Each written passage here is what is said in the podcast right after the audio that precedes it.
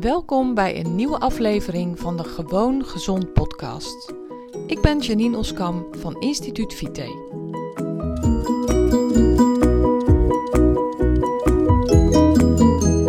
Hi, superleuk dat je weer luistert naar een nieuwe aflevering van mijn podcast.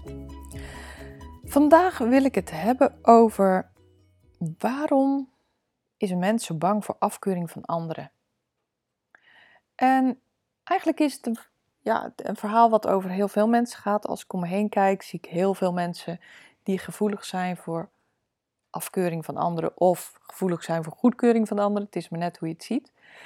En ehm, ja, eigenlijk ben ik dat zelf ook, of zonder eigenlijk. Dus uh, ja, ik wil, ik wil je daarin ook meenemen en vertellen hoe ik het zie en hoe ik mezelf ook dwing om het te zien. Um, en ja, ik denk dat dat eigenlijk gewoon ook wel iets is waar je, waar je wat aan kan hebben. Ik ben mijn bedrijf Instituut Vite in april van dit jaar begonnen. Daarvoor had ik praktijk Oskam en werkte ik eigenlijk altijd offline, hè, dus met mensen gewoon aan tafel, één op één. En mijn nieuwe klanten kreeg ik eigenlijk voornamelijk uh, door mond-op-mond reclame. Dus mijn bestaande klanten uh, spraken over mij met andere mensen en die kwamen dan weer bij mij terecht. Gewoon mond-op-mond reclame. Ik hoefde ook geen reclame te maken. Ik kreeg steeds meer klanten.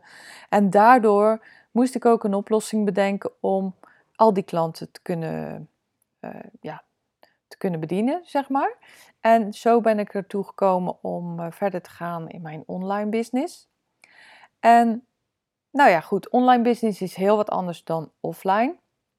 En omdat ik in mijn online business heel veel mensen meer kon helpen dan uh, toen ik gewoon nog aan tafel zat met, met mensen één op één, uh, ben ik ook mijn bedrijf gaan promoten. En een online bedrijf promoot je uh, door zichtbaar te zijn. Door zichtbaar te zijn in mijn geval op social media, op Facebook en op Instagram. En nou, ik weet nog heel erg goed in het begin hoe verschrikkelijk moeilijk ik dat vond. En waarom vond ik dat zo moeilijk? Omdat ik heel erg graag goedkeuring van andere mensen wil. En omdat je eigenlijk ook bij voorbaat al weet, of in ieder geval, um, ik zag dat zo voor me, dat er ook mensen kritiek op je hebben als jij veel op social media staat. Als je zichtbaar wordt, sowieso. Dan zijn er ook mensen die daar commentaar op hebben, die daar wat van vinden. En daar was ik wel heel erg bang voor. Daar zag ik ook wel heel erg tegenop. En uh, nou, ik, ik hield, had dan allerlei scenario's in mijn hoofd. Hè. Ik hoorde ook bepaalde mensen dan dingen zeggen in mijn hoofd. En ik merkte dat ik daardoor geremd was. Ik merkte dat ik daardoor minder posts plaatste op, uh, op social media. En ook bepaalde dingen um, niet zichtbaar maakte voor mensen. Terwijl het juist heel erg belangrijk is dat mensen zien wie je bent, dat je laat zien wat voor soort bedrijf je hebt, dat je laat zien op welke manier je werkt, dat je laat zien wat je overtuigingen zijn en nou ja, enzovoorts, enzovoorts. Nou, dankzij, uh, ik heb een coachingstraject gevolgd bij Eelco de Boer. Super goede coach, vind ik. En uh, nou, de, via hem heb ik ook, door hem heb ik geleerd om eigenlijk gewoon te doen wat je te doen staat. En min of meer lak te hebben aan wat mensen van je vinden. En ik moet je heel erg uh, eerlijk zeggen, ik heb geen lak aan wat mensen van mij vinden hoor. Want nog steeds heb, eh, is er dat stemmetje in mijn hoofd als ik uh, bepaalde dingen post. Die zegt van ja, nou ja, wat zullen ze daar wel weer niet van vinden? Of nogmaals, ik heb dan iemand, iemand in mijn hoofd waarvan ik denk dat die daar iets van vindt. En laat ik je wel vertellen, dat is dan nooit iets positiefs. Hè? Ik heb nooit angst voor iemand die mij bejubelt. Nee, natuurlijk niet. Ik heb altijd angst voor die afkeuring. Want goedkeuring, daarna ben ik op zoek. En um, nou, dat eigenlijk lak hebben aan die afkeuring van andere mensen. En gewoon doen wat je te doen staat. En uh, doen wat goed en nodig is.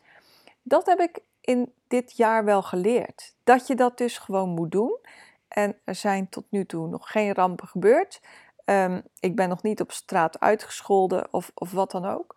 En um, nou, ik moet je heel eerlijk zeggen dat de angst die ik had, is ook wel wat afgenomen. Maar blijft ook altijd wel aanwezig. Nou, wat, wat wil ik nou eigenlijk hiermee zeggen? In mijn praktijk kom ik ook veel mensen tegen die angst hebben om iets te gaan doen. En dat, kan, dat kunnen allerlei dingen zijn. Want eigenlijk de klanten die ik heb, die hebben allemaal iets te doen. Die moeten allemaal iets veranderen aan hun leefstijl. En die leefstijl, um, dat, dat kan dus van alles zijn. Hè? De een moet zijn manier van eten heel erg veranderen. De ander moet um, zelfs zijn werk veranderen. Er zijn ook mensen die moeten hun relatie veranderen. En dus op heel veel fronten moeten mensen veranderen. En natuurlijk niet allemaal tegelijk. Hè. Vaak is er één hoofdpunt aan te wijzen waar jouw zwakke plek zit of waar jouw sleutel tot succes zit. Eigenlijk zou ik het zo moeten zeggen. En ik kan je wel vertellen, en dat kan je jezelf natuurlijk ook al voorstellen, dat stel je voor hè, dat jouw sleutel tot succes is dat je je relatie uh, heel erg moet veranderen of misschien wel moet verbreken, ja, reken er maar op dat je dan te maken krijgt met afkeuring uit je omgeving. En dat je dan inderdaad jezelf moet wapenen tegen die afkeuring van andere mensen en toch moet doen wat goed voor jou is en wat nodig voor jou is. En daarmee wil ik zeggen van, ja, um, kijk goed naar jezelf. Doe wat nodig is voor jou. En daarbij moeten soms wel eens uh, pijnlijke punten overwonnen worden. Dat was bij mij een klein pijnlijk punt. Hè? Sorry, excuus. Dat was het punt om kritiek te ontvangen op mijn social media posts, om kritiek te ontvangen op mijn YouTube video's, om kritiek te ontvangen op mijn podcasts. Maar wat denk je van sommige van mijn klanten die echt een substantieel deel van hun levenswijze moeten veranderen? Dat kan bijvoorbeeld ook zijn dat je helemaal niet tevreden bent met je werk. Of dat je bijvoorbeeld uh, tegen je gezin moet zeggen dat ze wel eens wat meer mogen meehelpen. De klusjes in huis te doen. Dat jij niet hun slaafje bent. Um, nou, reken maar, als jij, als jij gezinsleden hebt waar altijd alles voor werd gedaan, dan is dat vaak heel erg comfortabel. En als ze nu ineens moeten mee gaan helpen, ja, natuurlijk staan ze dan niet te juichen. Terwijl je dan toch echt doet wat goed is voor jou en wat nodig is voor jou. Om een, uh, om een enorme verandering teweeg te brengen. En wat als je je bedenkt dat je eigenlijk je werk helemaal niet meer leuk vindt? Dat je eigenlijk al jaren zwaar zit te balen van je werk? Nou, reken er maar op dat je dan ook op weerstand uh, stuit. Als je hebt bedacht van, ik ga echt het roer omgooien. En dat is ten eerste weerstand in jezelf, hè? Allerlei stemmetjes in je hoofd die zeggen van, doe je nu wel het goede? Maar dat is natuurlijk ook weerstand uit je omgeving. Je partner zegt dan misschien ook wel van, ja, ja, zou je dat nou al doen? En weet je zeker dat je dat moet doen?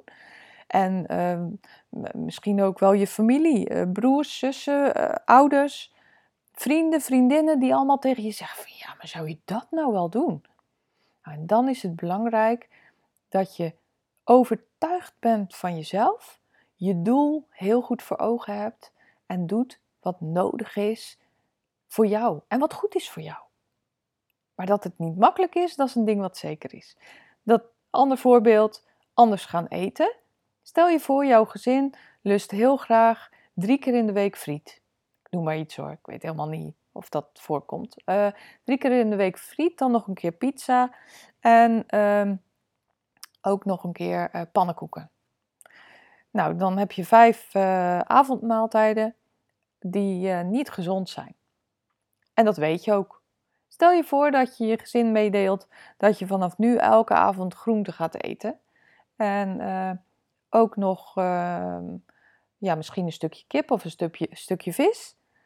En ook wel eens uh, lekker uh, vegetarisch met uh, een bonenschotel of, nou ja, goed, noem maar op. Ja, ook dat stuit natuurlijk op weerstand. Want waarschijnlijk zijn die gezinsleden echt heel erg gehecht aan hun manier van eten. En jij besluit dan om dat anders te gaan doen.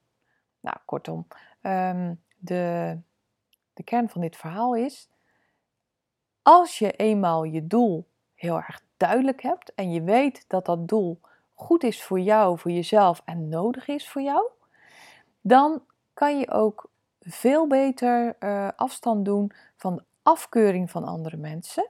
Dan ben je veel minder gevoelig voor de goedkeuring van andere mensen.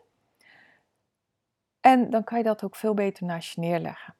Dus ja, eigenlijk mijn advies is: maak je doelen helder en scherp. En ga er doelgericht op af. Doe wat nodig is. Doe wat goed is voor jou. En de meningen van andere mensen, ja, die zijn er toch wel. Laat ze voor wat ze zijn.